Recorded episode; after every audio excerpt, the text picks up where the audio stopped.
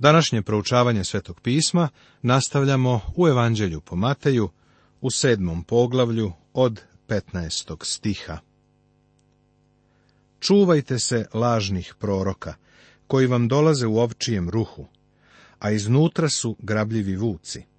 Po plodovima njihovim poznaćete ih. Zar se grožđe bere s trnja ili smokve s čkalja? Izrael je bio upozoren na lažne proroke, a crkva se upozorava na lažne učitelje, ali su obe grupe obučene u jagnjeću kožu. A bilo je i lažnih proroka u narodu, kao što će i među vama biti lažnih učitelja, koji će unositi ubitačne jeresi i poricati gospodara koji ih je iskupio, navlačeći na sebe brzu propast. Treba da ih prepoznamo po njihovim plodovima. To treba da tražimo i na to da pazimo u njihovom životu. Neće ući u carstvo nebesko svaki koji mi govori gospode, gospode, nego ko čini volju oca moga koji je na nebesima. Možeš trčati unaokolo i pričati kako živiš po zlatnom pravilu, ali poenta je sljedeće. da li tvoriš volju oca tvog nebeskog?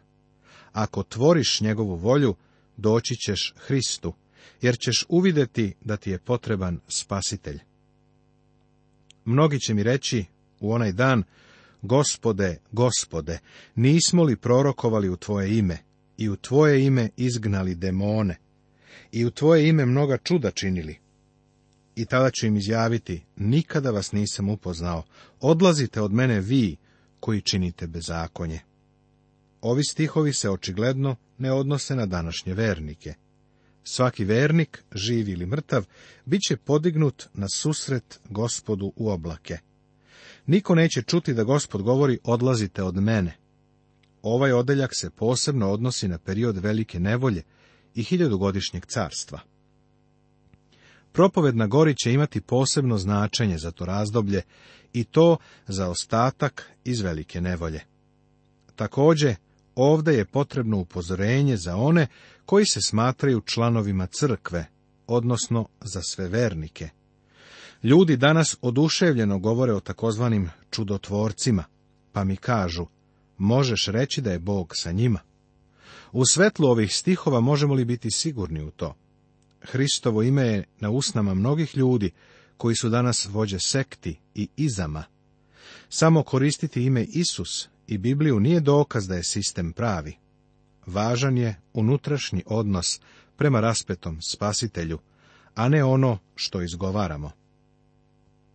Dva temelja Svaki dakle koji sluša ove moje reči i izvršuje ih, bit će kao mudar čovek koji sazida kuću svoju na steni. I pade kiša, i dođoše bujice, i dunuše vetrovi, i navališe na onu kuću, i ne pade, jer beše utemeljena na steni. Ako si došao Hristu, on je temelj, jer niko ne može da postavi drugi temelj, sem onoga koji je postavljen, a to je Isus Hristos. Zapisano je u prvoj poslanici Korinčanima u trećem poglavlju, u 11. stihu, Svetoga pisma Novog Zaveta. Kada počivaš na Hristu, možeš da gradiš na tom temelju predajući se duhu svetome, možeš izgraditi život koji sveto pismo poredi sa zlatom, srebrom i dragim kamenjem. Ali postoji još jedan način gradnje. I svaki koji sluša ove moje reči i ne izvršuje ih, bit će kao ludi čovek, koji sazida kuću svoju na pesku, i pade kiša, i dođoše bujice, i dunuše vetrovi, i navališe na onu kuću i pade, i pad njen beše veliki. Šta je pesak? To je ljudska dobrota i ljudski trud. To je stara slabost tela. Prijatelju, kažem ti da ti je potrebno nešto mnogo bolje od onoga što telo može ponuditi. Ovo poglavlje evanđelista Matej završava rečima.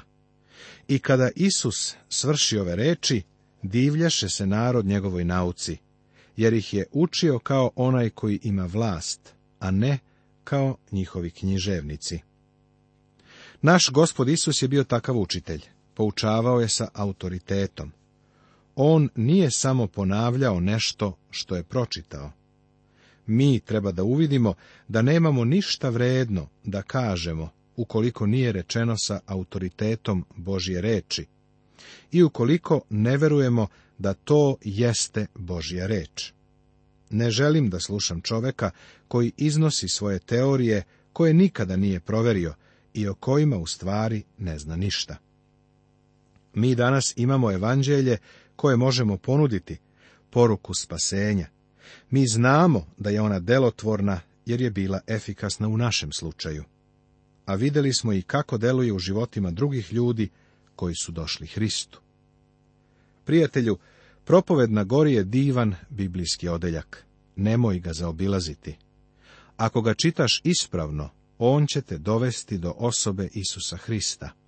Pokazat će ti kako nisi dorastao onome što on propisuje. Pokazat će ti da si slab i kriv. Učinit će da ćeš zavapiti za milošću i dovešće te do Hrista radi spasenja. Kada prihvatiš Hrista kao spasitelja, On će ti dati duha svetoga, koji će te osposobiti da živiš po ovom visokom standardu. Objektivno razmatranje propovedi na gori Završili smo propoved na gori, pa smatram da treba da se povučemo i da je sada u celini objektivno sagledamo, jer su možda mnogi moji komentari za neke ljude bili strani i novi. Mnogi smatraju da propoved na gori iznosi način na koji vernici treba da žive u savremenom društvu. Da je ta propoved data crkvi. Međutim, ako sa strane Božju reč sagledamo u celini, vidjet ćemo da je Bog dao tri velika sistema pomoću kojih On vlada i upravlja ljudima. Prvi je Mojsijev sistem, zakon. Kao što znaš, na početku postanja u sedmom poglavlju, zapisano je da je Bog morao da uništi ceo ljudski rod, sa izuzetkom jednog čoveka i njegove porodice, zbog njihovog nasilja i jer su sve misli srca njihova svagda samo zle. Ljudski rod se odvojio od Boga, pa je Bog morao da ih osudi. Na zemlji je mogao da spase samo jednog čoveka i njegovu porodicu i od njih je Bog počeo sa razvijanjem događaja i stvaranjem nove populacije, iz koje je izabrao jednog čoveka koji će postati otac naroda i svedočiti za njega. U stvari, nameravao je da im da zemlju i da od njih načini veliki narod, nebrojeni, i njih je hteo da učini blagoslovom za ceo svet. Kroz njih Bog je želeo da dosegne svet. Kroz Mojsija im je dao Mojsijev sistem i to je bio veliki žrtveni sistem. Knjiga izlaska, druga knjiga Mojsijeva, daje nam detalje o tome i otkriva nam da je sama njegova srž bila oltar za žrtve paljenice, mesto na kome su prinošene žrtve. Oltar govori o krstu gospoda Isusa Hrista. Bog nikada nije oprostio greh bez žrtve koja bi se prinela, jer vidiš, Zakon nije spasavao čoveka. On je samo otkrivao čoveku da je grešnik. On je postao sistem osude, a ne sistem spasenja. Prema tome, kroz stari zavet su žrtve paljenice ukazivale na dolazak spasitelja, gospoda Isusa Hrista. Isus je došao i predao sebe kao cara, da bi ispunio proroštva staroga zaveta, ali njegov narod ga je odbacio. Matejevo evanđelje predstavlja Isusa kao cara. Moje je lično uverenje da sve u ovom evanđelju treba da se shvata u svetlu činjenice da on jeste car. U Matejevom evanđelju, kao što smo već ukazali, Isus je rođen kao car, živeo je kao car, ustao je iz mrtvih kao car i ponovo dolazi na ovu zemlju kao car. Jedna od stvari koju je on učinio dok je bio ovde na zemlji, bilo je da objavi zakon koji se razlikovao od Mojsijevog zakona. To je takozvana propoved na gori, zapisana u Evanđelju po Mateju u petom, šestom i sedmom poglavlju. Njene delove nalazimo i u drugim evanđeljima, ali je u Mateju data u najpotpunijem obliku.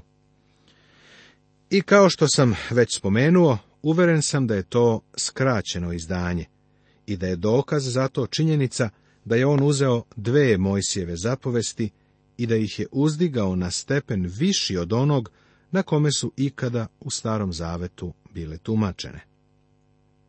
Na primjer, rekao je da ako se ljutiš na svoga brata, kriv si za ubijstvo. U Starom Zavetu o tome nema ništa. Također, rekao je da ako samo pogledaš ženu, počinio si preljubu u svom srcu i kriv si za to.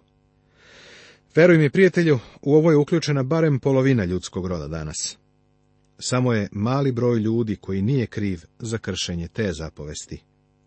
Pre izvesnog vremena jedna fina žena, divna hrišćanka, izvrstan biblijski učitelj, rekla mi je da se sustrela sa izvesnim čovekom koji je bio propovednik. Kazala mi je, kada me je pogledao, bilo mi je jasno šta radi. Slačio me je pogledom i činilo mi se da će pokušati da me siluje. Čovek nije ni trepnuo. Samo je sedeo i posmatrao kako mu ta žena prilazi. Prema propovedi na gori bio je kriv za preljubu. Propoved na gori izdiže zakon na najviši nivo. Neko će možda upitati, zar to nije nešto na osnovu čega danas treba da živimo? Ne, to je za carstvo koje dolazi na zemlju. U to vreme ćemo sigurno imati neskraćenu verziju propovedi na gori. Biće to zakon toga carstva koje će Hristos uspostaviti u budućnosti.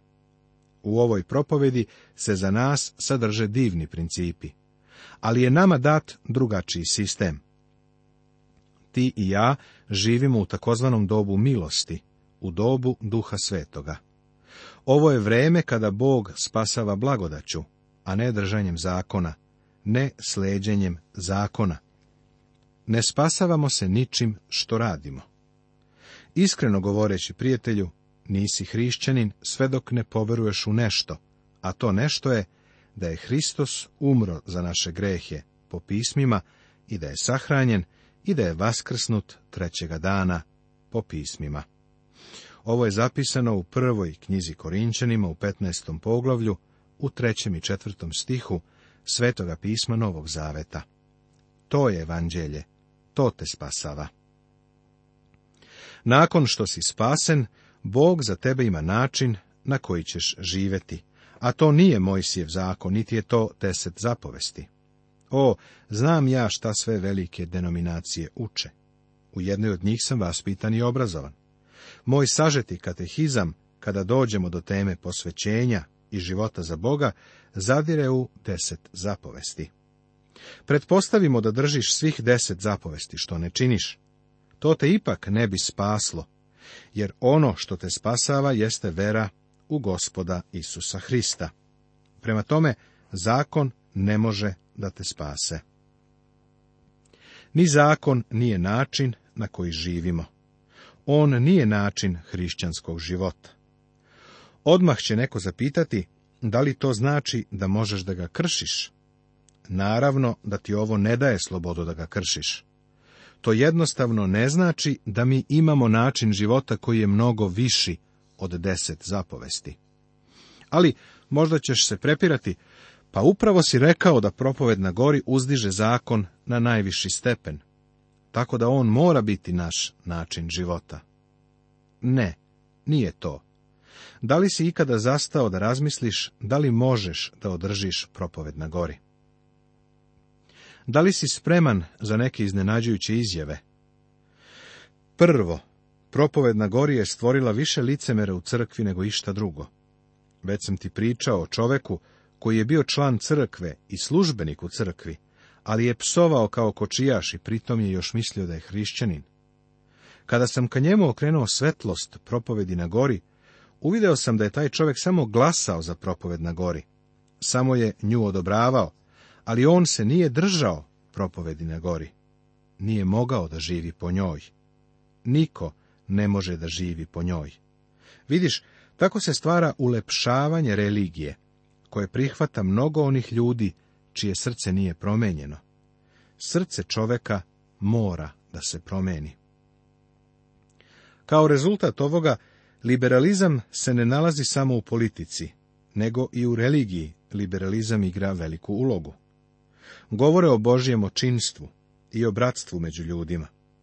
Gospod Isus je protivrečio ovoj teoriji, kada je čak religioznim vođama svoga doba rekao, vi potičete od oca đavola u evanđelju po Jovanu, u osmom poglavlju Svetog pisma Novog Zaveta, očigledno su i u to vreme postojali neki koji nisu mogli Boga zvati svojim ocem. Univerzalno Božje očinstvo nije bilo primjenjivo onda, ani sada. Od drugog svjetskog rata Sjedinjene države su pokušavale da se svetom bave u duhu bratske ljubavi. Mnogi narodi u svetu danas nas mrze, a ostali nam zavide. Ovo pišem kao Amerikanac.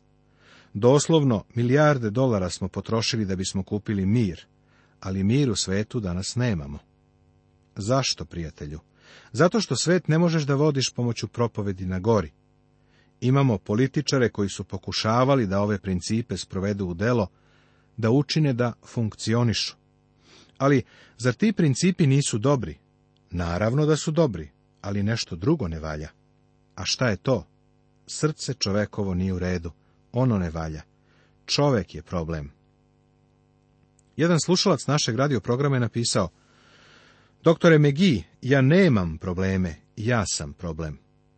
To je nevolja u svetu. Sve je u redu sa deset zapovesti. One su potekle od Boga. One su otkrile njegov um, njegovu volju. Propoved na gori također otkriva Boži um i volju.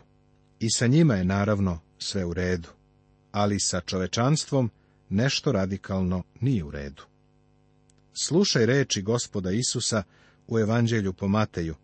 On će ti reći gdje je problem. On kaže, a što izlazi iz usta, iz srca izlazi i to kalja čoveka. Jer iz srca izlaze zle misli, ubojstva, preljube, blud, krađe, lažna svedočanstva, hule, to kalja čoveka. A jesti neopranim rukama ne pogani čoveka. Možeš imati religiju koja zahteva pranje ruku i celoga tela i možeš obavljati bilo koju vrstu rituala ili liturgije, ali srce je problem. Današnji čovek ima očajnički problem srca. Džogirenje mu neće pomoći. Njemu je potreban Isus, a ne džoging. Jedino gospod Isus Hristos može promeniti srce i to čudom poznatim kao obnovljenje. On je to rekao čak i finom, poštovanom fariseju po imenu Nikodim, da se mora nanovo roditi. Iako se termin nanovorođen zloupotrebljava i pogrešno koristi u naše vreme, ovo je divna i čudesna istina. Prijatelju, kažem ti da ti i ja treba da se obnovimo, jer imamo tu staru prirodu. Kada je gospod Isus govorio o tome šta izlazi iz srca, nije govorio o srcu Pere Perića, iako i on ovome pripada. Govorio je o mom i tvom srcu. Vidiš, srce je problem. Apostol Pavle je naširoko razmatrao ovu činjenicu. Rekao je, a plotska dela su poznata. To su blud, nečistota, raspojasanost, idolopoklonstvo, čaranje, neprijateljstva, svađa, pakost, srdnja, spletke, razdori, stranke, zavisti, pijanke, pirovanja i ovima slična. Ovo je zapisano u poslanici Galatima u petom poglavlju svetoga pisma Novog Zaveta. Mi danas živimo u dobu situacionog morala. Živimo u vreme strašnog nemorala. Ljudi su odbacili takozvanu judeo-hrišćansku etiku, pa čine šta im je volja. Slušao sam jednog profesora sa fakulteta koji je dao intervju za televiziju. Bitali su ga, šta je ispravno u našem vremenu? Njegov odgovor je bio, sve zbog čega se osjećaš dobro je ispravno. Po njemu, ako ćeš se osjećati dobro da ubiješ oca i majku, onda je to u redu. Bog je dao deset zapovesti da bi ljudi kontrolisali staru prirodu. Ali te zapovesti nisu kontrolisale staru prirodu, jer se narod, kome su zapovesti date, odvojio od Boga. Otišli su daleko od Boga. Ipak, čovjek nije mogao da ih ispuni, jer im nije bio dorastao. Apostol Pavle to stalno ponavlja u svojim poslanicama. Sada, kako čovek treba da živi? On ne treba da živi oslanjajući se na lični trud, jer neće uspeti. Reč kaže, a plod duha je ljubav, radost, mir, dugotrpljenje, čestitost, dobrota, vera, krotost, uzdržljivost, odnosno samokontrola. Protiv ovakvih stvari nema zakona. Nijedan zakon ovo ne može da proizvede. Za mene ili tebe nije prirodno da volimo. Ne mislim na seksualnu ljubav, nego na stvarnu brigu za druge ljude i na stvarnu ljubav prema Bogu. Ova vrsta ljubavi najavlja se prirodno. Nekada je bila popularna pesma koja se zvala Radi ono što je prirodno. Kada čovek radi ono što mu dolazi prirodno ili spontano, on svim silama stvara savremenu civilizaciju bezakonja i nasilstva. U umu mnogih ozbiljnih ljudi koji su na visokim mestima javlja se pitanje da li naša nacija može ili ne može da preživi. Ako ne obnovimo kontrolu nad starom prirodom čoveka, ne može da preživi prijatelju. Nastavit će se.